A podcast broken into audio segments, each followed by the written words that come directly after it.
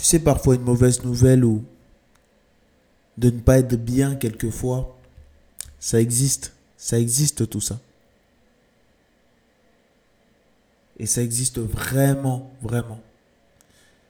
Et même pour les gens comme moi ou pour les plus grands de ce monde, eux aussi parfois ils ont des mauvaises nouvelles. Et eux aussi ils sont pas bien. Faut se le dire. Eux aussi ils sont pas bien. Des grandes personnes comme les Martin Luther King, Nelson Mandela et autres. Et aussi ça leur arrivait de ne pas être bien.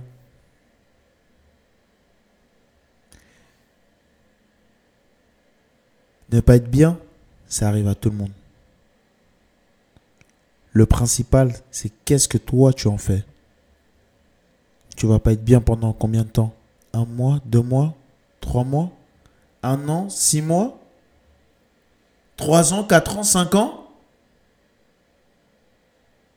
Pour des choses que tu ne peux pas contrôler? Pour des choses ce n'était même pas de ta faute? Ou pour des personnes qui t'ont dit que t'es nul, t'es faible? Toutes les personnes ont, eu des problèmes. Les Steve Jobs, les Warren Buffett, etc., ils ont eu aussi des problèmes. Ce que je veux que tu retiennes, c'est combien de temps, toi, tu vas rester comme ça.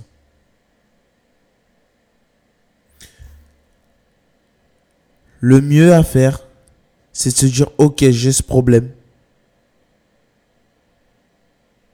Ça va s'arranger. Et de passer le cap, de retenir. Pourquoi tu fais ça? Où tu vas? Où tu vas? Pourquoi tu as commencé à faire ça? Tu as eu ce problème-là. Est-ce que c'est ça qui va faire en sorte que tu restes et tu ne bouges pas Ou que tu vas reprendre le sport? Est-ce que c'est ce problème-là qui va faire que tu arrêtes tout? Non, tout le monde a des problèmes. Le plus gros problème, c'est de penser qu'il n'y a que toi qui as des problèmes. Le plus gros problème, c'est de penser qu'il n'y a que toi qui as des problèmes. Tout le monde a des problèmes.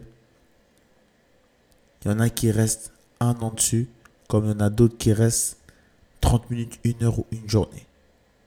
Fais partie de ceux qui ont un problème une journée et ta vie changera. Ciao, ciao. On se rejoint dans le prochain podcast.